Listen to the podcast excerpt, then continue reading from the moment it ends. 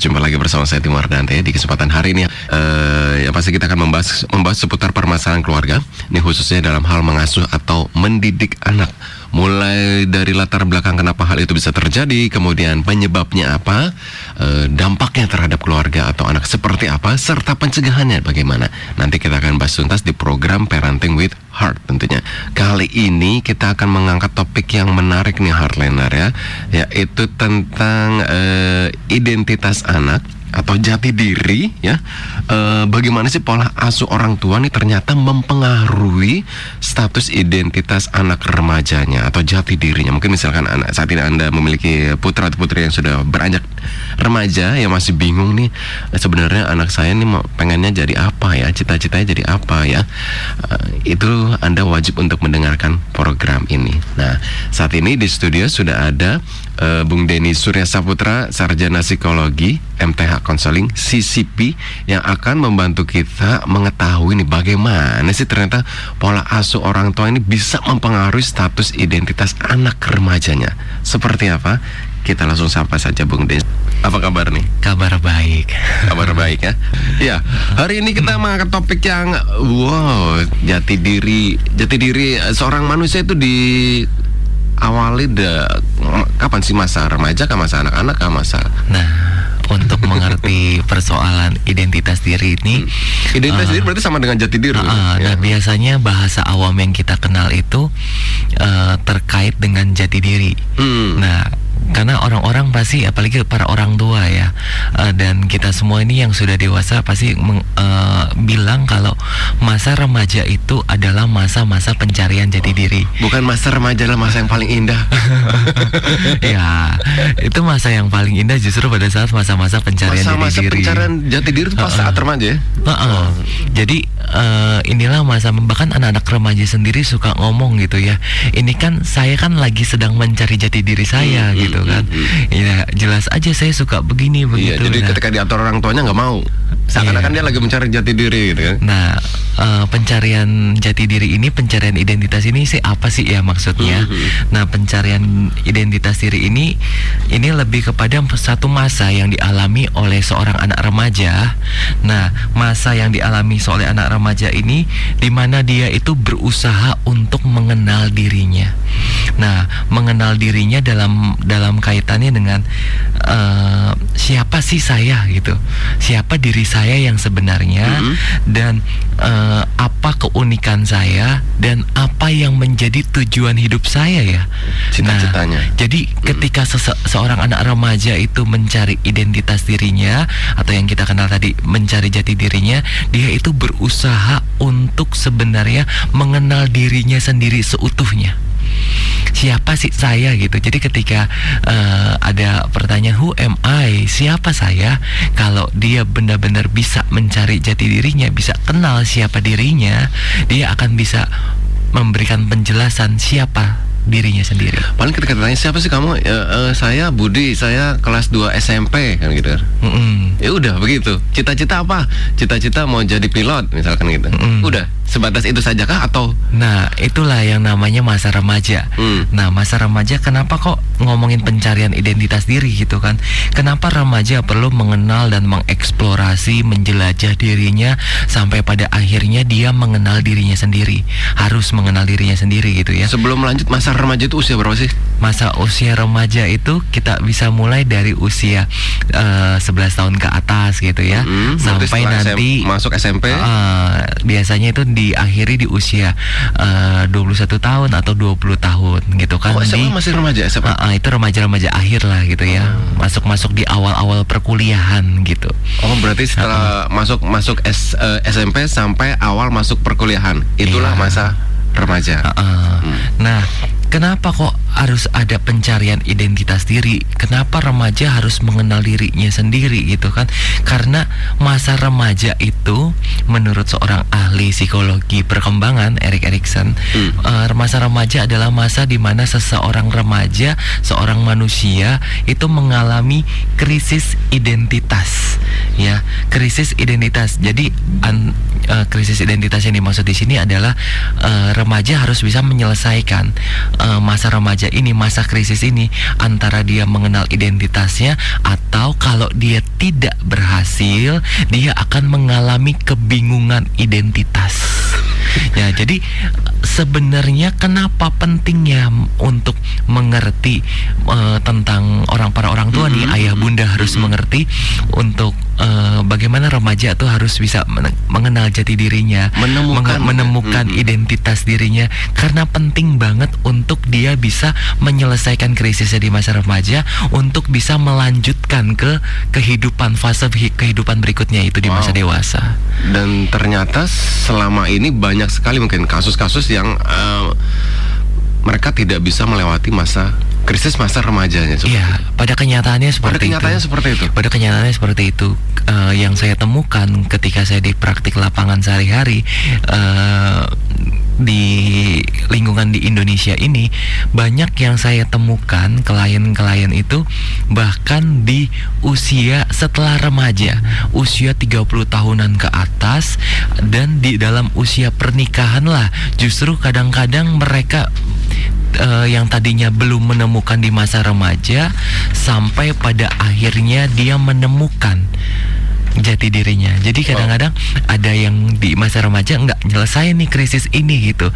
Tapi pada akhirnya uh, ada juga yang menemukannya di setelah usia remaja. Nah, mungkin jadi pertanyaan penyebab ketika mereka uh, berada di masa remaja dan tidak menemukan jati dirinya penyebabnya apa sih? Nah untuk masalah penyebab penyebabnya itu uh, memang sih salah satunya ini yang lah yang akan saya bahas gitu kan, wow. kan pengasuhan orang tua. Tetapi sebelum kita berbicara -hmm. tentang bagaimana pengaruh pola asuh -hmm. orang tua terhadap uh, anak remajanya menemukan status identitasnya, nah kita harus tahu dulu cara remaja untuk mencapai atau menemukan identitas dirinya itu tergantung dari krisis dan komitmen yang dialaminya. Uh, nah, eh, terkait dengan krisis dan komitmen itu maka terciptalah empat status identitas diri pada anak remaja. Berarti ini ciri-ciri ya? Empat status identitas uh, ciri-ciri tapi bukan tahapan ya. Oh, bukan ini tahapan. bukan tahapan hmm, karena hmm. ini berdiri sendiri masing-masing. Ya, dan ini sebagai bentuk uh, nanti ada dalam kehidupan remaja hmm. ada remaja yang tadinya kok nggak bisa menemukan ya hmm. kok saya udah merasa bahwa saya menemukan jati diri saya tapi ternyata saya belum loh oh. Ternyata pada saat usia-usia saya di usia lebih dari remaja di atas remaja malah ternyata saya hidup saya uh, sembrono saya mau se, se mau maunya saya hmm, hmm, dan hmm. sampai pada akhirnya saya tidak menemukan uh, jati diri hmm, saya gitu hmm, nah itu itu statusnya masing-masing oh Nah, kita harus ada empat status. Nah, Berarti kita harus mengenal empat status ini untuk betul mengetahui sekali. sekarang saat ini kita berada di posisi apa gitu kan? Uh, uh, betul wow. sekali. apa saja nih statusnya yang seperti ini sangat-sangat penting nih untuk Anda ketahui Heartliner ya. Empat status untuk menentukan saat ini Anda sedang berada di posisi mana gitu ya? Apakah anda sudah melewati atau mungkin sedang uh, seakan-akan melewati tapi ternyata tidak melewati kan? Gitu. Uh, Apa nah, saja nih? Statusnya ini, nah ngomongin status identitas diri pada remaja itu terkait dengan tadi saya katakan lagi uh, cara remaja untuk menemukan status identitas dirinya. Mm -hmm. Nah, nah ini akan menghasilkan empat status gitu kan dan empat status ini tergantung dari krisis dan komitmen. Tergantung dari krisis uh, dan komitmen. Nah, krisis itu apa sih gitu kan? Krisis itu lebih kepada uh, bagaimana seorang remaja tekanan hidup. oh, bukan ya? Bukan masalah tekanan hidup ini. Maka dari itu kita harus samakan persepsi dulu nih ya. Untuk kita sebelum tahu status identitas diri remaja tuh statusnya apa aja tadi itu tergantung dengan uh, krisis dan komitmen yang dialami oleh anak-anak oh, remaja kita. Jadi gitu ya. statusnya ya. itu terbentuk dari krisis dan komitmen. Betul hmm. sekali. Nah, krisis ini ini bukan masalah tekanan hidup gitu ya, tetapi justru ini yang menunjukkan bahwa ini loh masa remaja gitu. Nah, oh. krisis ini adalah lebih kepada saat remaja itu mengeksplorasi, saat remaja itu menjelajah tentang segala sesuatu yang bermakna di dalam uh, dirinya. Hmm. Dan ini kan yang di- yang disebut dengan tadi uh, Masa pencarian itu. Nah, eh, Erik Erikson Hmm. katakan bahwa inilah krisis identitas. Nah, jadi krisis ini adalah lebih kepada seorang remaja mengeksplorasi dirinya, menjelajah segala sesuatu tentang dirinya yang bermakna. Segala sesuatu yang bermakna dia jelajah. Nah, Ada- apa tuh? Nah, apa itu? Apa tuh yang bermakna gitu? Karena, Karena karena kan bisa remaja masih remaja nih, enggak apa belajar merok yang negatif kan ada yang belajar merokok lah belajar itu itu masa pencarian jati diri Nah. atau Nah ini krisis identitas berarti kan tadi menjelajah, mengeksplorasi tentang identitasnya. Nah identitas-identitas itulah yang harus kita eh, pahami. Mm-mm. Nah identitas itu ada banyak macamnya Mm-mm. gitu. Nah contohnya apa-apa aja sih hal-hal yang bermakna itu Mm. yang terkait dengan identitas Mm. yang harus dicari gitu kan. yang harus, dicari ditemu- yang harus dicari dan ditemukan gitu kan. Kan harus bukan identitasnya. Nah nanti kan tergantung status-statusnya itu keempat status itu. Harus. misalnya identitas tentang yang pertama pekerjaan atau karir. Nah nanti Cita-cita. eh, Eh. perka- apa pekerjaan karir cita-cita kalau misalnya statusnya nanti apa misalnya dia menemukan berarti ada status yang menemukan. Nah terus ada yang tidak menemukan nanti status itu berarti statusnya adalah oh identitas dirinya dia tidak menemukan eh, karir yang cocok dengan dia gitu kan karir yang tepat sesuai Iya. dengan bakatnya terus ada juga identitas mengenai religius masalah keyakinan kerohanian yang akan remaja ambil dan remaja anut gitu kan untuk menjadi keyakinannya yang dia biasanya kan pilih. para remaja tergantung orang tuanya kalau kayak keyakinan kayak gitu kan itu nanti akan mempengaruhi. Maka tadi kan pola asuh mempengaruhi status eh, identitas remaja ya, menemukan Uh, uh, uh. identitas remaja. Nah, terus juga ada identitas relasi. Apakah saya nanti akan berpacaran? Apakah misalnya saya nanti akan memutuskan Memang ada beberapa kasus gitu ya.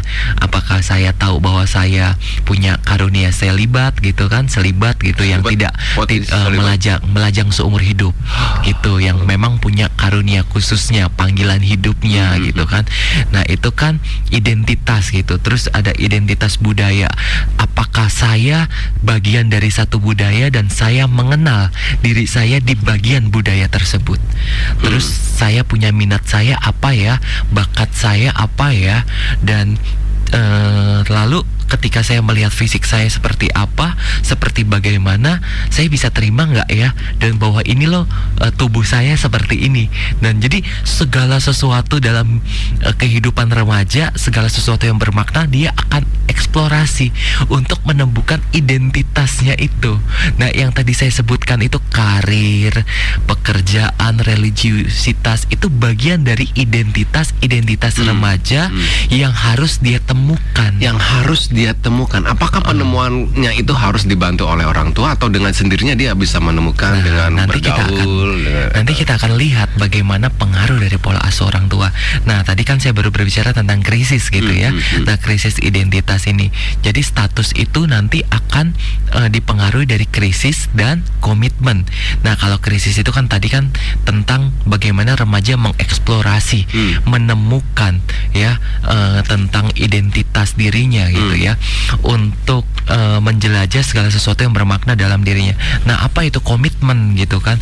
Komitmen itu lebih kepada sejauh mana remaja itu mau bersedia mau mencurahkan dirinya terhadap hal-hal yang akan dilakukannya. Gitu. misalkan eh, akhirnya dia berkrisis menemukan cita-cita gitu Nah, eh, aku mau akhirnya- jadi dokter Oke, berarti dia ketika dia tahu bahwa minat dia di untuk menolong orang Mhm. dalam dalam area medis gitu kan, dan dia punya minat sosial untuk menolong menolong orang lain, dia dia suka bidang ilmu pengetahuan IPA, biologi, terus dia sangat senang belajar bahasa-bahasa ilmiah Hmm. gitu kan, Hmm. dan dia sangat senang dan sangat bisa menunjukkan bakat dan kemampuan dan, dan dia bisa bertanggung jawab itu artinya remaja mampu untuk berkomitmen di dalam identitas dirinya itu. Takutnya kan masa remaja ntar suka berubah-berubah gitu ntar pengen jadi dokter tiba-tiba berubah lagi. Berarti Nah. dia belum menemukan itu? itu status ada statusnya nanti itu. Nah. Bung Denny oke. tadi kita sudah belajar tentang eh, gimana seorang remaja harus melewati masa krisisnya untuk bisa menemukan identitasnya. Identitas dirinya. Dan ada empat Status. empat status identitas nih. Ini Heartliner Anda wajib untuk mendengarkan kira-kira saat ini kita sudah sedang berada di eh, status yang mana nih? untuk ternyata status ini bisa menentukan kita nih sebenarnya kita sudah menemukan jati diri kita atau belum. Jangan-jangan kita cuma berpikir kita sudah menemukan, ternyata kita belum menemukan. Nah. Wow, apa saja nih? Ya, bukan hanya untuk anak remaja juga ya, bukan hanya untuk para orang tua juga, tapi untuk kita secara pribadi juga sangat bermanfaat juga gitu kan untuk bisa mengevaluasi diri sendiri nih. Betul. Betul. Apakah memang sudah kita benar-benar menemukan identitas diri kita? Nah, yang pertama ini eh, tadi saya ulangi lagi bahwa ternyata status ini lebih kepada bagaimana cara remaja untuk menemukan status identitas Hmm. dirinya ya. Untuk menemukan identitas dirinya tadi terkait dengan krisis dan komitmen.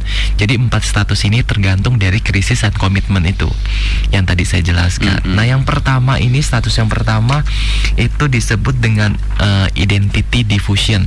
Itu eh, identitas penyebaran. Apa tuh? Iya, penyebaran identitas. Nah, ini remaja dengan eh, status ini adalah remaja yang tidak memiliki komitmen dan kurang memiliki pertimbangan yang serius terhadap berbagai alternatif dalam hidupnya.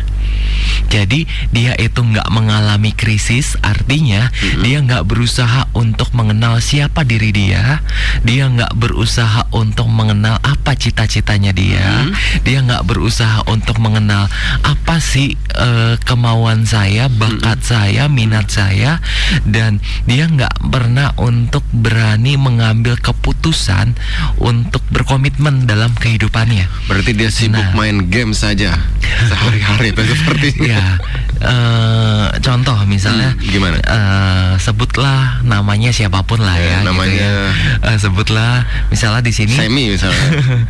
Mark lah misalnya ya. Mark tidak serius mempertimbangkan pilihan-pilihannya Hmm. dan dia menghindari komitmen, menghindari keputusan untuk eh, berkarir, untuk bekerja, untuk eh, untuk men- apa namanya melanjutkan cita-citanya gitu. Terus dia nggak yakin dengan dirinya sendiri. Nah, terus dia nggak bisa bekerja sama, cenderung tidak bisa kooperatif gitu ya. Hmm. Dan biasanya anak-anak remaja dengan status ini biasanya memiliki orang tua yang tidak mendiskusikan masa depan dengan dirinya. Dan orang tua mengatakan semua terserah kamu. Ya, ya, nah, Terserah cita-cita kamu. kan terserah kamu lah, terserah kamu. Uh-uh. Kamu mau cita-citanya apa gitu. Tapi bukan bukan berarti remaja itu kita biarkan Dilepas gitu. Heeh, karena kan itu masa transisi, masa transisi Hmm. di mana dia nggak dikatakan anak-anak lagi, tapi dia juga belum dewasa. Hmm. Nah, itu eh, masa itu benar ada Hmm. diakui di secara ilmu pengetahuan itu ada istilahnya juga. Iya, mungkin kalau yang kasusnya sebenarnya orang tuanya pengen nih anaknya punya cita-cita, tapi anaknya sibuk main game saja oh, zaman sekarang kan gitu. nah, itu beda lagi. Akhirnya dia nggak punya komitmen, komitmen dia cuma main game gimana caranya biar menang kan gitu. Nah, itu tergantung dari bagaimana nanti eh, kembali lagi kepada orang tua gitu Hmm, kan hmm. yang punya otoritas, yang bisa untuk memberikan peringatan, yang bisa mengerti anaknya setiap hari, ya pasti orang tuanya. Atau jangan-jangan orang tuanya juga belum mengetahui identitas diri sendiri. ya, kita harus ngerti dulu konteksnya Hmm, di dalam rumah tangga itu gimana, Betul. di dalam keluarga itu pengasuhan seperti apa. Jadi kan setiap keluarga kan pasti ada perbedaannya masing-masing. Nah, itu baru status yang pertama ya, identity diffusion atau yang disebut dengan penyebaran identitas. Ciri utamanya adalah tidak ada krisis dan tidak ada komitmen. Tidak ada komitmen, tidak Ya, ada krisis. nggak ada krisis jadi nggak mengalami jadi eh, ya udah hidupnya tuh ngalir aja gitu nggak jelas gitu Hmm. ya udah saya eh, ya udah happy happy aja mau begini oke mau begitu oke gitu jadi ya udah ngalir Hmm. Pokoknya ya udah aja let it flow. Itu ciri-cirinya tuh. Heeh, gitu jadi tanpa ada tujuan yang jelas ya buat Hmm, hidupnya Tidak punya tujuan nih. Oke, terus berikutnya status yang kedua ya, itu disebut dengan kita bisa bilang uh, identity foreclosure dan itu disebut dengan pengambil alihan. Ya, pengambil alihan identitas. Apa tuh? Nah, ini eh, status ini ditandai dengan ciri utama dia tidak mengalami krisis, Hmm. tetapi langsung menetapkan komitmen. Nah, ini remaja yang langsung menetapkan komitmen, langsung mengambil komitmen tanpa dia mengalami krisis, tanpa dia berjuang mencari tahu siapa dirinya sendiri. Tanpa dia tahu cita-cita saya apa ya, bakat saya yang sebenarnya seperti apa ya, tanpa dia mencari tahu seperti itu, dia langsung menetapkan eh, komitmen. Iya, ketika ditanya kamu cita-cita jadi apa? Aku jadi pilot. Padahal dia nggak tahu nih. Uh-uh. Apakah dia suka bidang itu? Orang-orang taunya oh, pilot kayak keren ya udah gitu doang. Betul. Jadi dia langsung mengambil keputusan seperti itu. Jadi remaja dengan status foreclosure ini ya, status pengambil alihan ini, dia ini remaja yang banyak menghabiskan waktu dalam banyak hal yang dia kadang suka kadang-kadang remaja suka bilang, "Ih, saya nih sering banget melakukan ini, tapi kok nggak ada feel-nya ya. Kok kayaknya saya kok biasa-biasa aja. Mm-mm. Tapi saya kok kerasa yakin ini eh, bagian hidup saya, pilihan saya gitu, tanggung jawab saya, tapi kok biasa-biasa aja gitu. Mm-mm. Bahkan ada yang sampai sudah bekerja, sudah menikah, sudah di usia 30 tahun hampir ke 40 tahun sampai dia nah seperti itu langsung ketika dia menyadari bahwa ternyata di usia 40 tahun pernah saya temui juga klien saya seperti ini.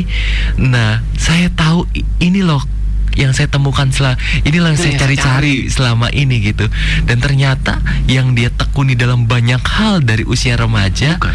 itu bukan identitas dirinya Kita pikir yang selama ini kita jalani, oh kemungkinan itu identitas kita tuh. Ternyata bukan juga. Mm-mm, jadi dia ini lebih kepada menghabiskan banyak waktu eh, untuk melakukan banyak hal dan ternyata dia melakukan rencana orang lain untuk hidupnya, bukan rencana dirinya sendiri, bukan atas eh, dia mengenal siapa dirinya sendiri gitu.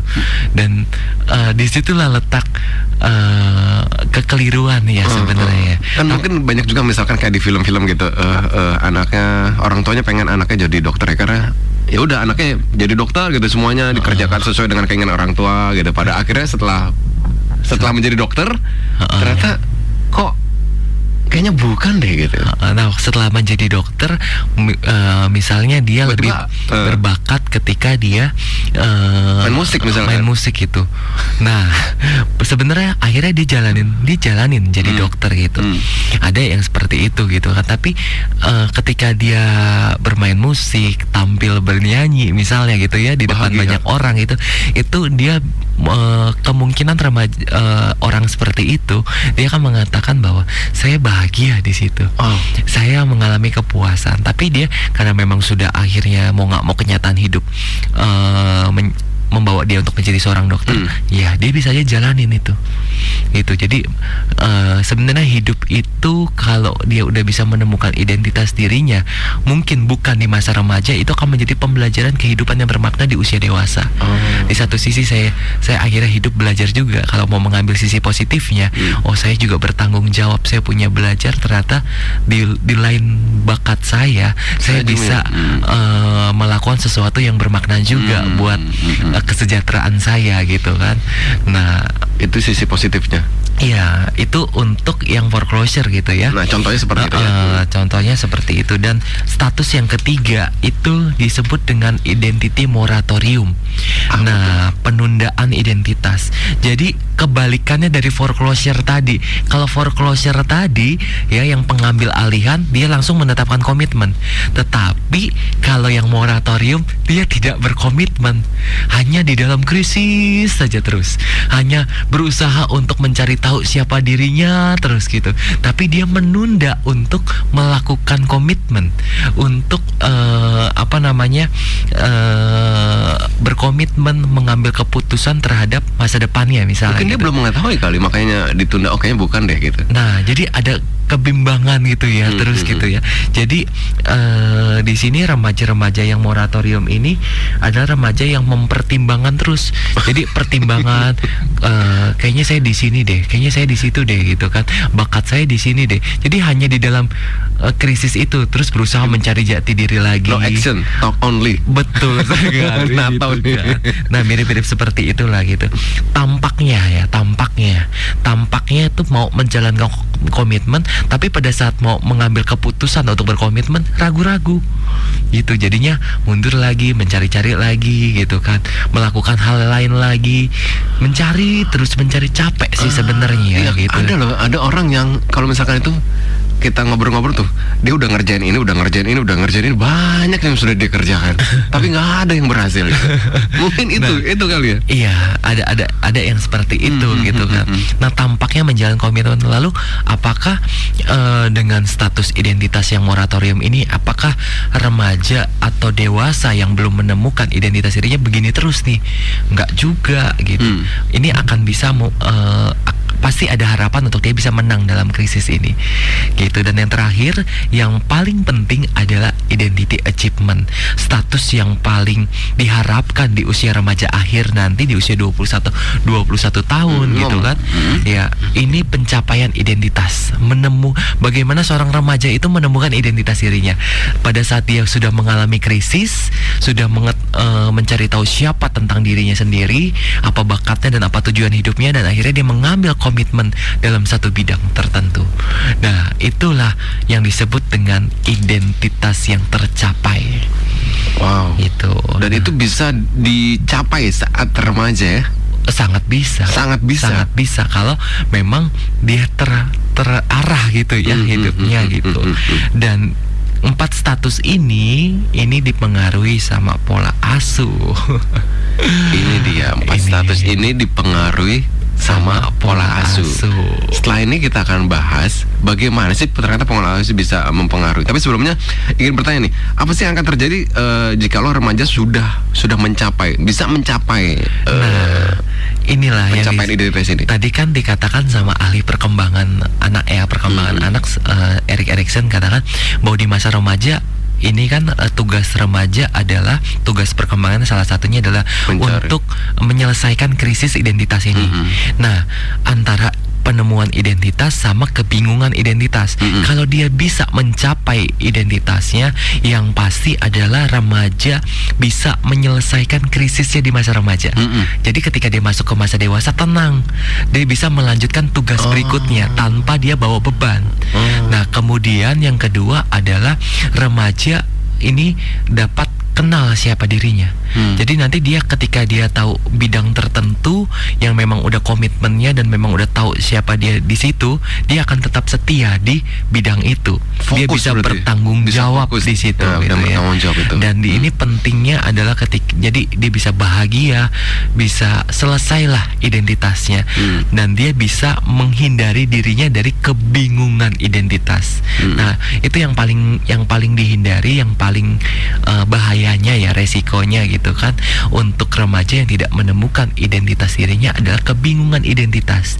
Dia akan terisolasi dari lingkungan, dia akan eh, menjauh diri dari lingkungan, dia akan minder mungkin, dia akan eh, bisa jadi dia tenggelam dalam pergaulannya gitu kan. Dan pergaulannya mau ke mana dia ngikut ngikut gitu. Jadi tanpa ada prinsip dan tujuan yang jelas buat hidupnya. Oh, berarti mereka yang kadang-kadang nah, ikut-ikutan aja nih anak gitu kan? Berarti mereka belum menemukan Iya, identitasnya. nah itu yang disebut dengan penyebaran identitas, identitas diffusion itu, gitu. Jadi ke sana ikut, ke sini ikut gitu. Nah, tanpa ada komitmen, tanpa ada krisis gitu kan. Dan kalau misalnya langsung mengambil komitmen, oh ya udah, eh, karena orang tua saya akuntan, saya ikut akuntan. Nah, Itu Hmm. yang disebut dengan foreclosure tadi tuh. hmm, hmm. Ya, nah terus karena orang tua saya dokter ya udah dong saya dokter gitu. Ya kan orang tua pengen yang terbaik. Udah kamu Betul. udah jadi dokter aja dah gitu. Nah, tapi apa yang terbaik dari yang dipikirkan oleh orang tua belum tentu itu sesuai dengan karakter anak, sesuai dengan eh, bakat dan minat pada diri anaknya. Wow, banyak sekali nih pelajaran nih. Nanti setelah ini kita akan bahas nih bagaimana sih ternyata pengaruh ya pola asuh orang tua ini terhadap status identitas remaja. Bagaimana ya? Kalau kita udah belajar ternyata ada empat identitas yaitu eh, yang pertama eh, remaja tidak memiliki cita-cita yang nggak tahu tujuannya apa, kemudian membiarkan yang kedua membiarkan orang lain menentukan cita-citanya atau identitasnya, yang ketiga nih sibuk mencari identitas sampai sekarang juga belum ketemu, yang keempat sudah menyadari cita-citanya. Dan semua ini tuh berpengaruh dari eh, ketika mereka bisa melewati masa krisisnya ya krisis pencarian Iya. jati diri Betul. seperti itu ya dan ternyata eh, sekarang tentang bagaimana sih ternyata pola asuh orang tua ini mempengaruhi identitas ya bagaimana seorang anak bisa menemukan identitas remajanya identitas jati atau jati Ah. dirinya gitu ya dipengaruhi sama pola asuh orang tua salah gitu. satunya ya Ah, salah satunya. seberapa besar sih Pak eh, pengaruh dari pola asuh orang Oke, tua ini kita akan lihat di sini. Nah, untuk berbicara tentang pola asuh, yang saya akan jelaskan ada eh, empat macam ya pola asuhnya ya, gitu ya. Oke. Ada pola asuh demokratis. Nah, pola asuh demokratis ini di mana orang tua ini eh, mengendalikan perilaku anak, iya dengan aturan-aturan, tetapi juga bisa memberikan kehangatan, kasih sayang, Oh. ada respon. Jadi kendali oke, respon oke. Kendali Gitu. oke respon oke Ah, itu di Hmm. pola asuh yang demokratis Mhm. gitu kan. Terus ada pola asuh otoriter. Jadi segala sesuatu eh, ada otoritasnya yang dimaui oleh orang tua harus dipenuhi. Itu otoriter. Mhm. Terus berikutnya ada pola asuh yang permisif, Apa? pola asuh yang memanjakan. Nah, terus ada pola asuh yang ambivalen. Ambivalen tuh bimbang gitu kan antara saya mau anak saya eh, mandiri, tapi saya juga pengen nih anak saya harus deket sama saya terus gitu kan. Oh. Ya, jadi ada kebimbangannya gitu. Mhm. Dan dari pengasuh eh, dari pola asuh pola asuh seperti ini itu akan mempengaruhi eh, bagaimana cara remaja menemukan status identitas dirinya. Wah, mana yang paling terbaik Nah, kita akan lihat satu-satu. Oke, yang pertama saya mulai dari orang tua demokratis ya Ah, ah. Mhm. dengan pola asuh demokratis. Seperti nah, orang tua yang mendorong anak eh, orang tua dengan pola asuh demokratis ini biasanya akan melibatkan remaja dalam pengambilan-pengambilan keputusan. Hmm. Terus ketika remaja ini memiliki kesalahan, di oke saat itu dibiarkan untuk eh, mendalami kesalahannya apa, dan hari itu juga diselesaikan. Akan dijelaskan kenapa saya memberikan hukuman buat kamu Hmm. dan di situ ada ada kendali ada respon bisa memberikan kasih sayang juga ada kehangatan Oh. dalam hubungan antara orang tua dan anak hmm. terus juga ketika eh, orang tua demokratis memberikan peraturan atau memberikan sanksi gitu kan dia akan menjelaskan kenapa saya memberikan eh, peraturan seperti ini kenapa saya memberikan pendisiplinan seperti ini Hmm. jadi ada penjelasannya nah kalau otoriter itu tanpa ada penjelasan jadi kamu nih harus begini kamu harus begitu gitu Sudah jangan Nah, tanya, kamu udah pokoknya yang penting kamu harus kerjakan. Nah, kalau ini pola asuh demokratis, dia itu bisa memberikan eh, kendali yang kuat, Mhm. tetapi juga bisa menciptakan kehangatan dalam Hmm. hubungan antara orang tua dan anak. Nah, eh, pola asuh pola asuh seperti ini itu cenderung akan menolong anak remajanya untuk mengalami yang namanya pencapaian identitas, identity achievement yang tadi yang keempat Oh. saya bilang itu, yang krisisnya sudah oke dan eh, komitmen oke. Jadi dia bisa menemukan identitas dirinya. Nah, pola asuh yang seperti apa yang bisa membantu eh, anak remaja bisa menemukan identitas dirinya dengan tepat?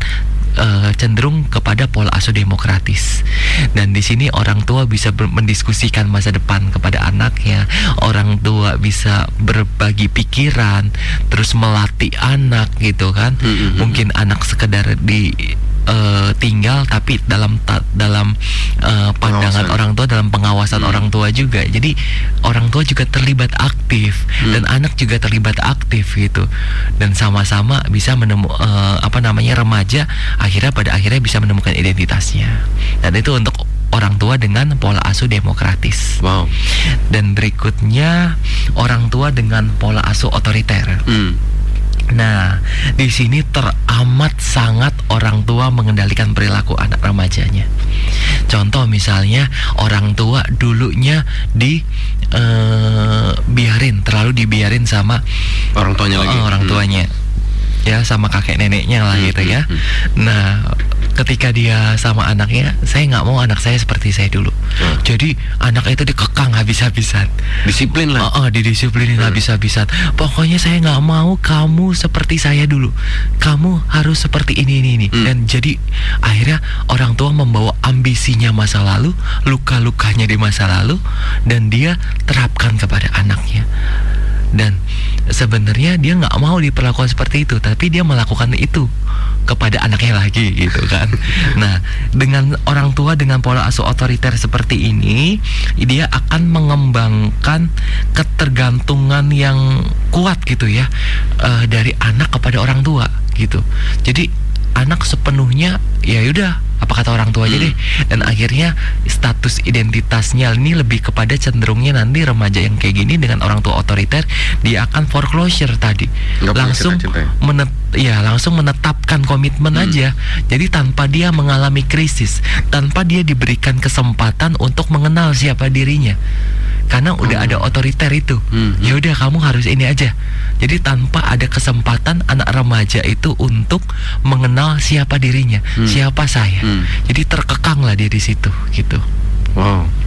dan ada lagi dengan orang tua dengan pola asuh permisif memanjakan ya udah kamu maunya seperti apa oke ya udah kamu maunya bagaimana oke itu terserah lu dah gitu kan terserah apa kata kamu aja dah gitu kan Eh, saya mah ngikut aja gitu kan Hmm. sebagai orang tua Hmm. nah ternyata anak juga nggak bisa dibiarkan begitu aja karena kalau dibiarin begitu aja kalau anaknya oke anaknya bisa kalau anaknya bisa bertanggung Tanggung jawab jawab, hmm. anaknya bisa ngerti, anaknya bisa uh, punya kesadaran yang tinggi. Tapi kalau dia masih butuh bimbingan banget banget, nah kalau kalau terlalu dimanjakan kayak gitu, kalau anaknya nggak bisa ber, bekerja sama gitu ya, nah itu bisa akan menjadi identity diffusion yang pertama tadi ke mana-mana deh nggak jelas hidupnya gitu kan Waduh. krisis nggak ada nggak berusaha untuk mencari siapa dirinya dan tidak berkomitmen Hmm, terhadap hmm, satu hmm, hal hmm, hmm. ya udah jadi nggak nggak jelas hidupnya gitu ya Gawat nih. Ternyata pengaruh pola asuh orang tua sangat berpengaruh juga di sini. dan yang terakhir di orang tua dengan ambivalensi. Nah, orang tua dengan ambi- ambivalensi itu apa ya? Nah, orang tua dengan ambivalensi ini adalah ada yang apa namanya bimbang gitu ya. Tadi yang saya sebutkan, eh, saya di satu sisi orang tua ingin anaknya eh, mandiri, tapi di satu sisi dia nggak pengen kehilangan Hmm. anaknya, nggak pengen anaknya jauh dari dia. Hmm, Kayaknya, aduh, gua nggak tega nih gitu sama anak gue gitu. Tapi pengen mandiri gitu. Heeh, tapi Mau- pengen anaknya itu Mau berusaha. disuruh kos gitu, in the kos gitu. Heeh. Tapi Nah, itu justru lebih nah orang tua dengan seperti orang tua yang ambivalen seperti ini akan cenderung membawa anak remajanya ini eh, mengembangkan status identitas moratorium yang tadi penundaan. Jadi kalau ngelihat orang tua kayak begini ya udahlah akhirnya eh, saya nggak nggak nggak berminat nih untuk mengembangkan diri saya misalnya gitu kan. berarti Gitu. sibuk mencari identitas nih, sibuk Heeh, mencari jadi cita-cita. pencarian, pencarian, pencarian, pencarian terus Wow. gitu, tanpa tanpa berujung kepada satu komitmen gitu. Jadi sebenarnya orang-orang yang morato, anak-anak yang anak remaja yang moratorium itu membutuhkan peneguhan gitu ya untuk dia. Iya, saya harus mengambil keputusan ini gitu. Jadi nggak ada keraguan-raguan lagi untuk mengambil Oh, keputusan. berarti misalkan anak-anak ada kan anak-anak yang kayaknya ragu-ragu nih orangnya, tipenya ragu-ragu. Itu juga dipengaruhi salah satunya. Iya, bisa jadi seperti itu. PR nih sama orang tua nih. Heeh. Jadi sebagai orang tua nih ternyata susah-susah gampang ya. Betul sekali.